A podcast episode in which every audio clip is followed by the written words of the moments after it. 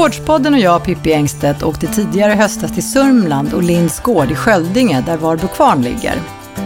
I den nybyggda kvarnen träffar vi kvarnveden Kerstin Björklund som tillsammans med sin man Thomas och ett par andra släktingar startade Varbro kvarn för 11 år sedan.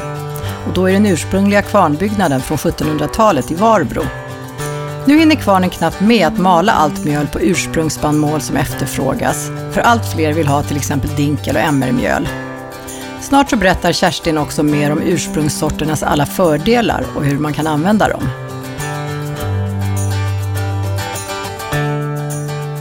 Ja, nu står vi här inne på kontoret i Varberg kvarn och tittar ut över själva kvarnrummet med alla maskiner. Det är, ser ganska modernt ut. Hur, när byggdes det? Det här är ju bara eh, två och ett halvt år gammalt.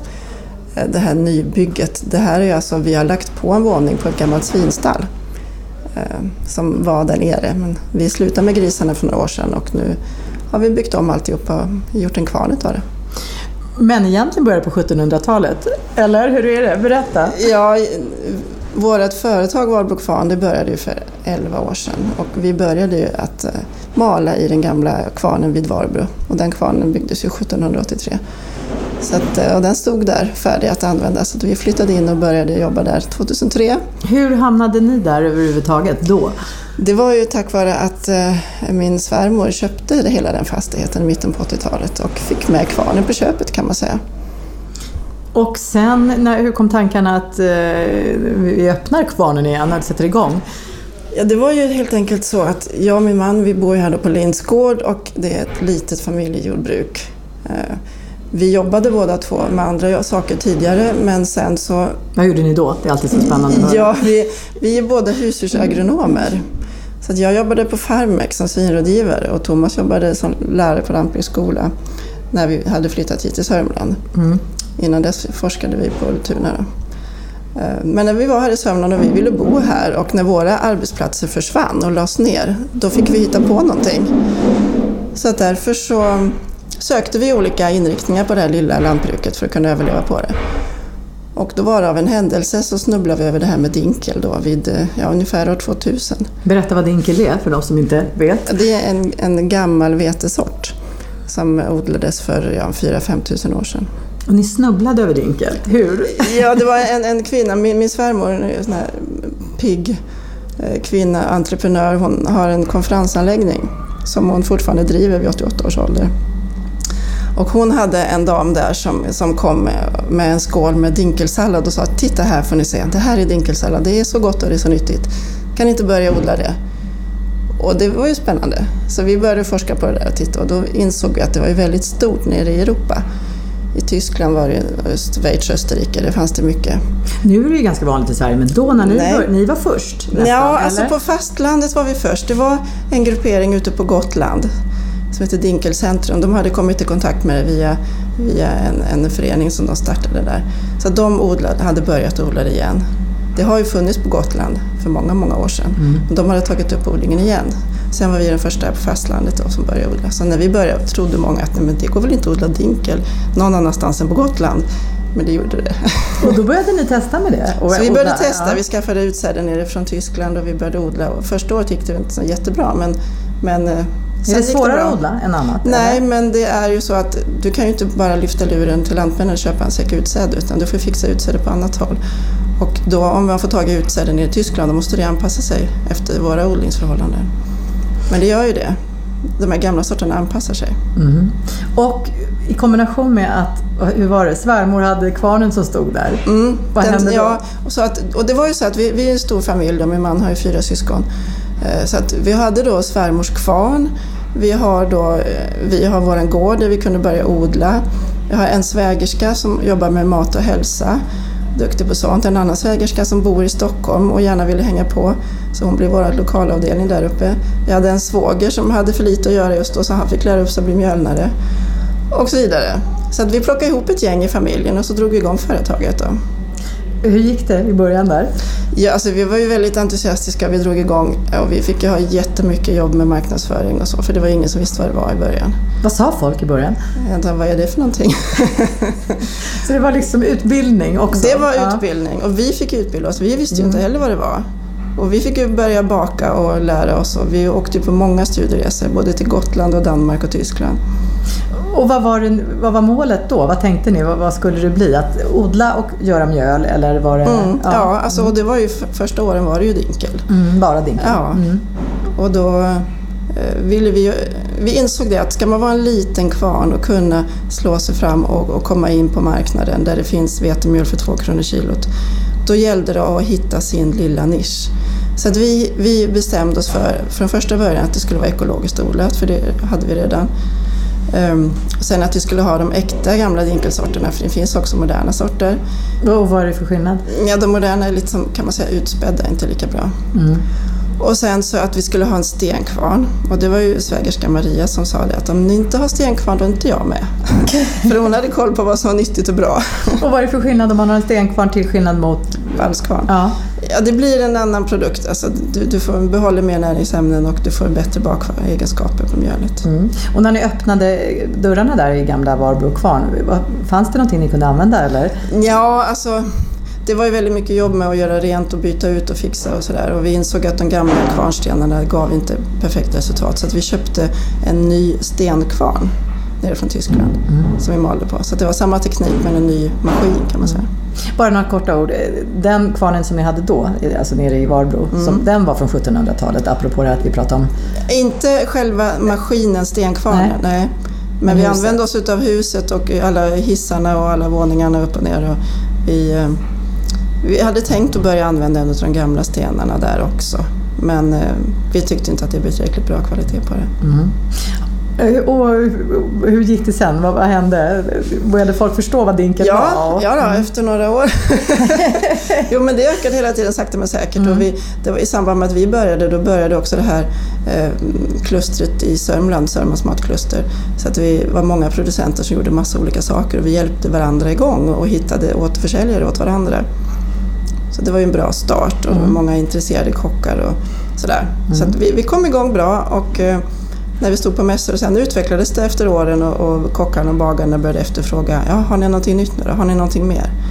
Så då fick vi plocka in andra äldre kulturspannmålssorter. Och vad hittade ni då, eller hur hittade ni vi dem? Vi hittade dem via en förening som finns här i Sverige som heter Alkon som jobbar med de här gamla kultursorterna. Hur många finns det? Många gamla kultursorter finns det? Det finns hur många som helst.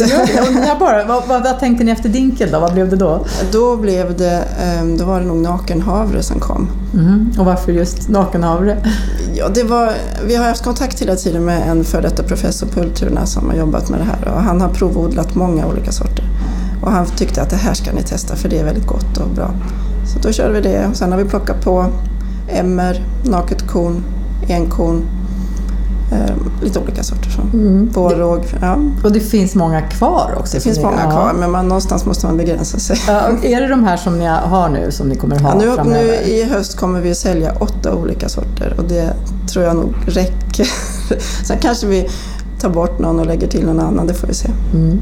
Nu är det ju mitt i, högsäsong för er, det är skördetid. Mm. Eh, märks det? Blir, är det liksom toppar?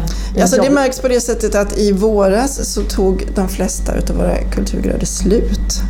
För att när vi flyttade hit till Nya Kvarnen då ökade vår försäljning ganska mycket. Hur kom det sig att ni flyttade till Nya Kvarnen? Vad var det? det var för att vi hade slått i taket där borta kan man säga. Mm. Det var, den var för opraktisk att jobba i. Våra mjölnare höll ju på och jobba ihjäl sig. Det var massa köra säckar och hissa säckar och eh, väldigt mycket manuellt arbete. Så att vi sa att antingen lägger vi ner eller också så får vi sluta för det här funkar inte. Det är ingen som betalar extra för mjölet för att vi körde på en kärra för hand. Nej. Nej. Men var, var det något alternativ någon gång att sluta? Nej, inte själva verksamheten. Nej, men vi kände ju det att nej, men vi vill faktiskt fortsätta för det, det ökar hela tiden så vi tyckte det var kul. Mm. Och hur tänkte ni då, då med nybygge eller? Ja, alltså vi hade ju det här gamla svinhuset som bara stod här. Eh, och då plockade vi av tak och väggar och så lyfte vi upp och så byggde vi på en våning och satte dit tak och väggar igen. Eh, och gjorde om det till en kvarn. Mm. Flyttade mer utrustning från... eh, Ja, men vi köpte ju till det mesta nytt. Mm, det ser väldigt nytt ut. Vad är, vad är det för slags kvarnar nu? Ja, nu är det ju då, vi har två stora stenkvarnar som vi köpt nere i Österrike.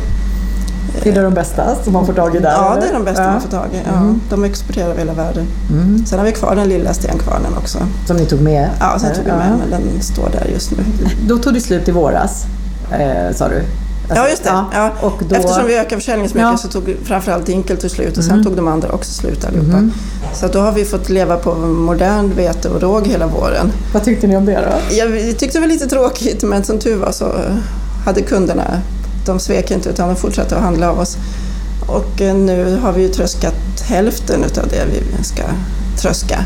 Så att dinklet är till hälften inne så det har vi börjat sälja igen och mala nu. Så att nu är det full fart.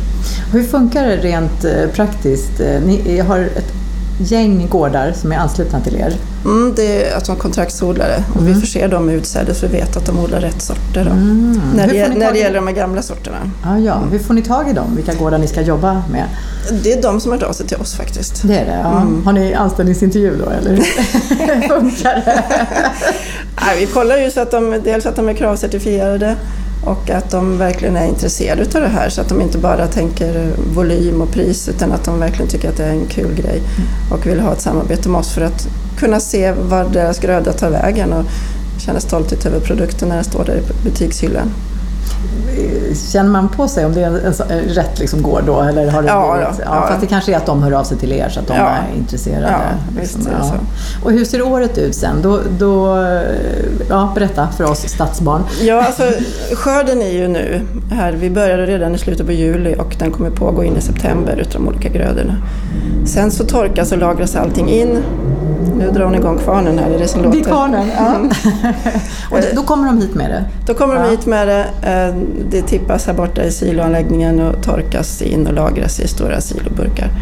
Och då är det, hur många gårdar var det som ni jobbar med? Ja, här omkring är det 8-10 stycken och sen har vi 4-5 utanför Enköping. Då. Och alla ska ligga hyfsat nära i alla fall Mm, de, fast de i Enköping de lagrar in sitt hemma hos sig själva för vi får inte plats allting här. Okej, ja.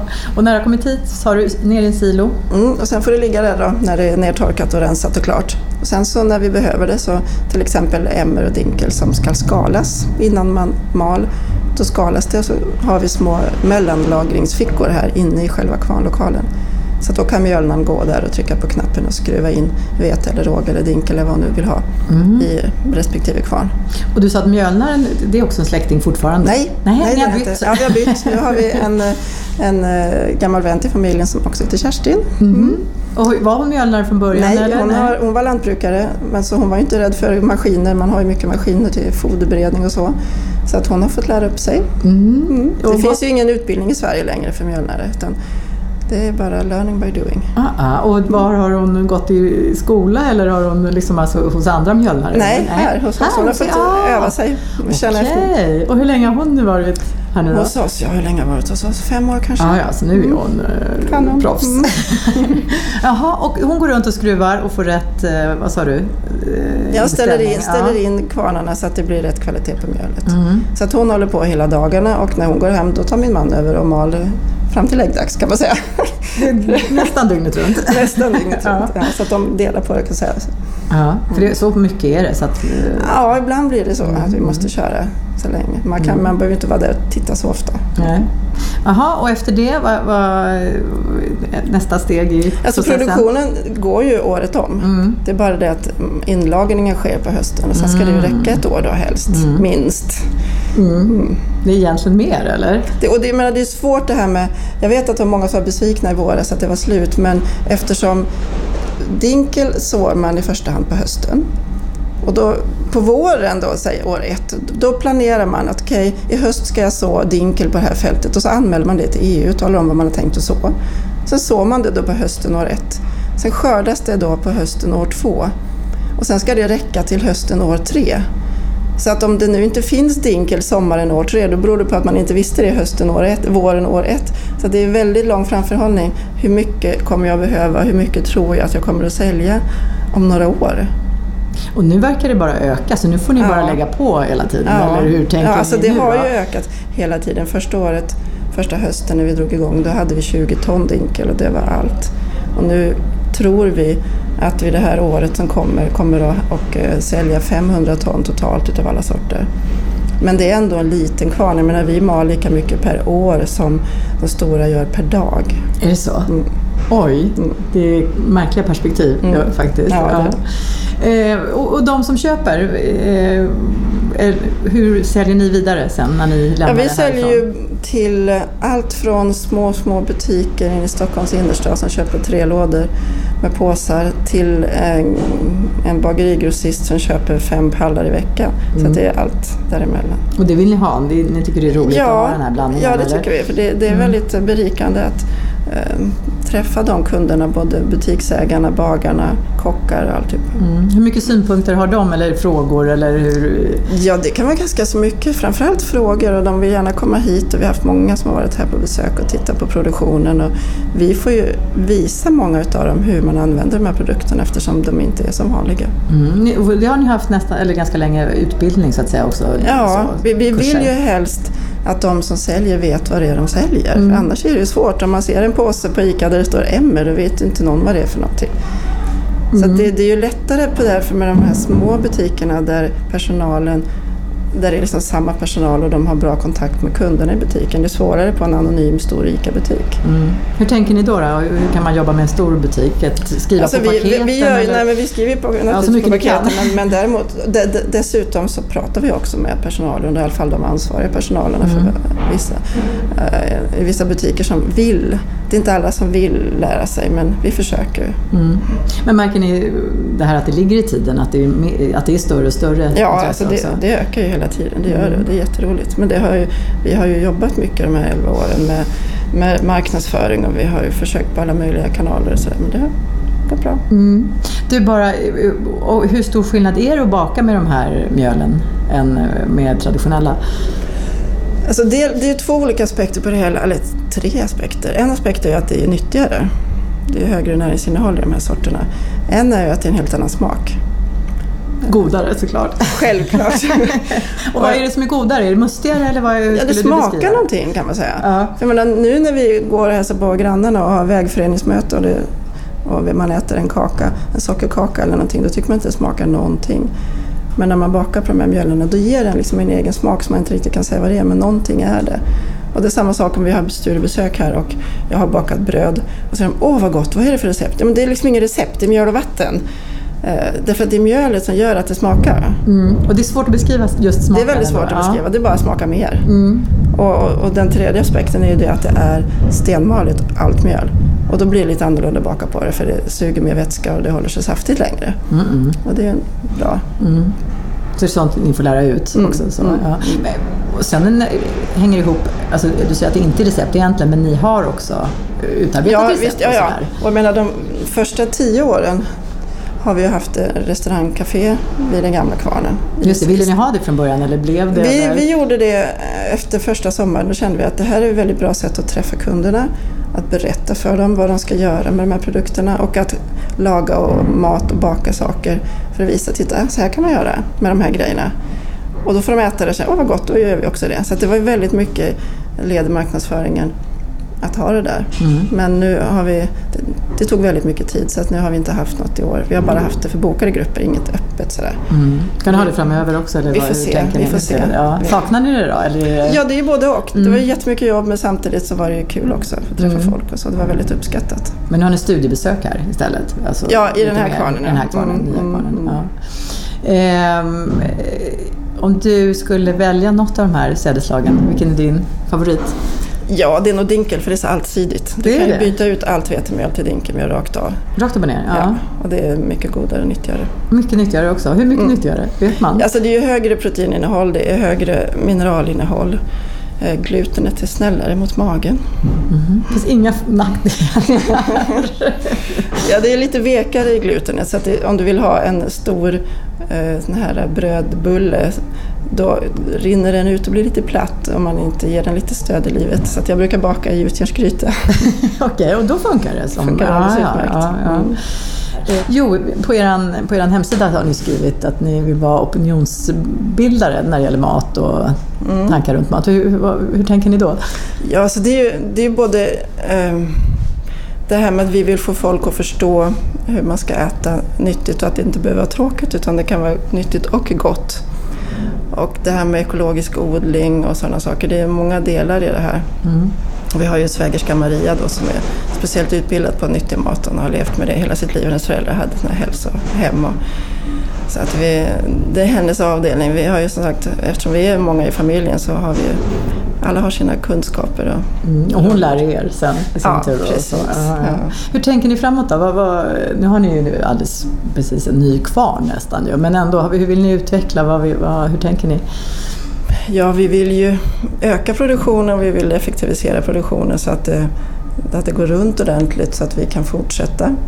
Eh, vi måste nog hitta eh, vissa produkter som eh, vi riktar in oss på. Vi har nog varit lite för breda. Vi är väldigt entusiastiska och vill ha så mycket som möjligt. Och det ska vara mjöl och flingor och allting av allting. Mm. Men jag tror man får... Någonstans går en gräns. tyvärr. tyvärr. ja, och, alltså att ni skulle, men de, ni har, de säljslag ni har nu, de vill ni fortsätta med? Eller ska ni dra ner till dem? Ja, vi får se. Det beror på lite vad mm. kunderna säger. Mm. Vad de, det är kunderna som bestämmer vad de vill ha. Mm. Så effektivisera lite grann mm, runt. Ja, mm. ja. Och samtidigt utveckla. Mm. Uh, vi, vi håller ju på nu i höst och ska börja med att mala glutenfritt bovetemjöl. Det har ni inte gjort tidigare? Nej. Nej. Har ni börjat? Ja, ni kommer börja? Vi håller på att bygga ja. om lokalen. Ja, jaha, okej. Okay. För det är sån efterfrågan på det eller? Ja, det har ju ökat mer och mer att mm. folk vill ha glutenfritt. Mm. vad det beror på det är en annan diskussion. Men, eh, Där de egentligen skulle kunna använda dinkel kanske? Eller? Alltså, det, är ju inte, det, är, det är mycket det här med, med glutenfritt och inte. Och när dinkel var nytt i Sverige så sa man att det inte fanns gluten i dinkel, men det gör det ju. Mm. Men det är ju det att det är ett annorlunda gluten. Så att glutenintoleranta kan inte äta det men det finns folk som är känsliga mot vete och känsliga mot det här vita brödet med massa extra tillsatt gluten och så. Det mår de inte bra utav men då kan man äta dinkelbröd. Och det har vi kunder som har sagt till oss. Så det är ju det är inte svart eller vitt det här, det är ju gråskala däremellan också. Mm. Men eftersom det är efterfrågan på glutenfria produkter då vill vi erbjuda en, en bra sån. Så att vi har ett svenskodlat ekologiskt bovete som vi ska stenmala. Och som kommer börja säljas. Vad blir det nu då om man räknar baklänges? Det blir nästa? Eller ja, det blir Nej, nu i höst. Ja, det alltså. blir det. Ja, det är klart. Ja, ja, ni har redan just det. Lokalen mm. är snart färdig. Jo, men något lite sådär eh, bara nybörjartips eh, med de här kultursorterna. Eh, vad skulle man börja använda det i? Eller ska man ta, äta müsli bara tycker du? Eller? Alltså det beror ju på vad man, vad man håller på med om man brukar baka. Om vi säger bakning då? Ja, om vi säger ja. bakning då ska man absolut tycka börja med, med dinkelmjöl, både det siktade och fullkornsmjölet. För det, då blir det väldigt gott och annorlunda och det är inte så svårt att byta ut. Mm. Om du inte bakar då kan du eh, till exempel använda vårt virveldinkelmjöl och göra pannkakor av. Då får du en nyttig och väldigt god pannkaka. Mm. Och de är, receptet i övrigt är ungefär detsamma? Eller? Mm. Ja, mm. ja, ja. Mm. Man bara, det, det är mjölet. Som, ja. ja. Vi har ju många produkter som är alltså helkärna utav nakenhavre och dinkel och sånt som man kan koka och ha istället för ris och pasta. Och då har du ett, alltså ett inhemskt alternativ. Vi behöver inte hålla på och köpa en massa ris bort från Asien. Vi kan äta nakenhavre och dinkel istället till maten. Mm. Smakar hur? Ja, det har sin egen smak. Mm. Det har det. Det är lite svårt att beskriva. Mm. Det smakar mer ju än ris. Då liksom ja, en vitt ris i alla fall. Ja. det är ganska troligt. Men eh, verkar folk börja upptäcka det nu eller? Ja, alltså vi märker det. För vi säljer till restauranggrossister också och de mm. har ju ökat på det här så att det är fler som, som vill hitta alternativ till det vanliga tråkiga vita riset. Jo, vad är det svåraste med ditt jobb? Att det är väl som, ungefär som, det är många, alla småföretagare måste ju kunna allt. Det, man ska vara chef och man ska vara ekonom och man ska vara praktisk och kunna, ja det är så väldigt många delar när man inte har personal till allting utan man måste, alla som jobbar här har väldigt många olika arbetsuppgifter. Kommer ni överens alltid? Och ni jobbar i ditt familjeföretag ju. Det... Ja, alltså det är familjeföretag men vi har ju två anställda ja, det, som ja. inte är släkt. men vi är, ju, vi är ju tre, fyra släktingar, som jag, min man och svägerskorna som mm. jobbar i det. Det funkar jättebra. Mm. Men vi hade aldrig börjat med det om vi inte visste att vi gillade varandra från början. Mm. Sen är det en annan sak att jobba ihop men i alla fall, det, det, det funkade uppenbarligen nu, nu, när ni har hållit på så länge. Mm. Och det roligaste då med ditt jobb? Det roligaste det är att det är så omväxlande. Jag menar, man sitter på kontoret en dag och sen så åker jag till Stockholm och träffar någon berömd bagare från USA en dag. Och sen sitter jag på någon mässa och pratar. Och, eller så, ja, det är jättemånga olika. Det, det tycker jag är skitkul. Jag skulle inte vilja sitta på kontor varenda dag.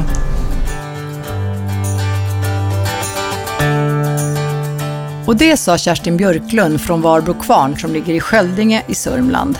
Och det var jag, Pippi Engstedt, som var där och hälsade på. Fler gårdspoddar går att lyssna på via vår gårdsbutiksapp, via iTunes och på vår hemsida odda.se. Vi hörs snart igen.